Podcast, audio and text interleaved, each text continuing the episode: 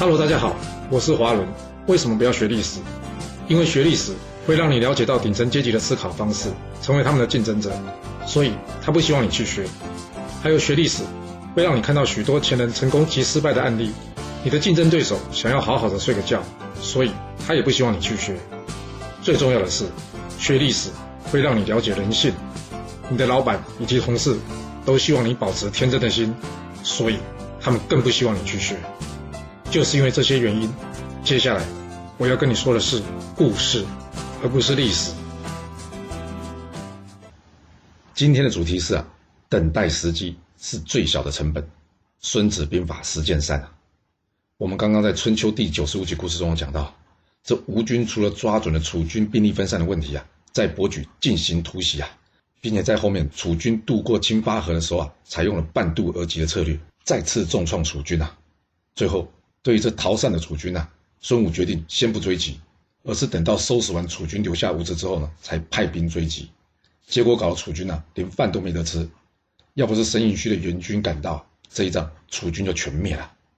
从这里看呢，孙武的确非常会掌握时机，攻打楚国的时机，夜晚偷袭楚国的时机，博举一战发动突袭的时机，秦巴河楚军半渡而击的时机选择，以及最后追击为射。还有与沈尹戌决战的时机，相信这都是在他计算与掌握之中。不过，等待时机一词啊，听起来很容易，做起来却是非常的困难。我们之前有说过嘛，因为第一，你不一定会等得到；另外，在这过程中啊，可能会有很多事情干扰你的判断，打击你的信心。还有就是什么，有的时候啊，我们根本不知道我们在等什么。不相信啊，那你就问问你身边投资过股票的人。谁不知道要低买高卖，也就是掌握时机？但是他们是不是常常觉得他想要买的股票啊越涨越高，就是等不到这股票会跌下来？又或是呢，这股票开始跌了，他又发现，哎，怎么越跌越低啊？那要不要卖啊？还是要不要加码摊平呢？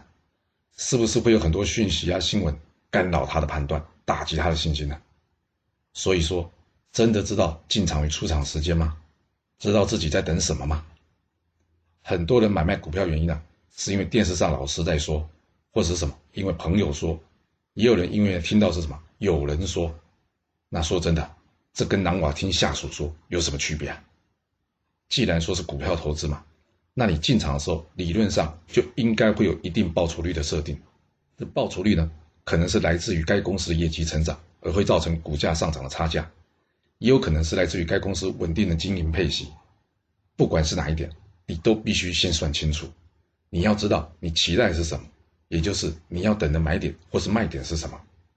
另外，你有多少钱，这个钱能等多久，等多久才会有你要的报酬，这应该都在计算之中啊。正如《孙子兵法》所说的：“胜兵先胜而后求战啊，败兵呢则是先战而后求胜。”什么意思啊？就是会赢的人呐，都是先算好这样做会赢，才开始行动；而打输了的人，通常怎么样？先行动。然后希望能获得胜利，他们就像在赌场下赌注一样，一将这筹码放上桌啊，就希望赶紧开奖，确定输赢。那这样能叫做投资吗？应该叫做赌博吧。所谓十赌九输啊，唯一不输的是谁？就是出老千的那一位啊。听到这，你觉得你是属于胜兵还是败兵呢？胜败不是从结果来看的，其实若无意外啊，通常一开始啊就已经决定了结果，不是吗？由于现在通货膨胀的问题起来了，大家讨论的议题呢，也大多是围绕在此啊，讨论要投资什么来对抗通货膨胀。不过进行投资之前，我还是建议大家要谨慎一点。分享我之前听到的一句话，就是很少听到有人因为通货膨胀而破产的，但是为了对抗通货膨胀乱投资而破产的呢，却是非常的多。我不是财经专家，所以这部分呢，我不多做琢磨。回头继续说说今天故事啊。这孙武想要攻打楚国，难道是想要打就出兵吗？还是先准备好自己，然后等待时机才出兵呢？战场上获得了一些胜利，他是立刻追击吗？还是等到最好的时机才选择去追击？就像《孙子兵法》上他自己说的：“不可胜在己，可胜在敌啊。”什么意思？就是说我最多呢，只能决定让自己立于不败之地，而无法保证会获得胜利。能不能打赢对方呢？要看对方有没有露出破绽让我攻击。了解到这点，你就会知道，不论是职场或是投资，很多时候啊，与其先说先赢啊，或者说没有准备好就做决定啊，还不如事缓则圆，先确定好自己来到公司的真正目的啊，然后依照目标达成需要条件，仔细观察、收集及研究一下身旁的人事物以及他们说话内容啊，哪些事、哪些人、哪些问题需要准备什么，还有什么时机去说话。或是发动这件事会比较合适，又或是呢？你投资的真正目标是什么？依照这目标，你有没有研究一下你投资的公司，并且拟定策略，判断一下你可以进场的价位？只有先知道要等什么，然后才有可能耐心等待。时机其实往往是最小的成本，但一旦等到，却常常会有丰厚的利益。你说是吧？若是您有其他的想法，也欢迎你留言分享您的看法给大家哦。好啦，我们今天先说到这。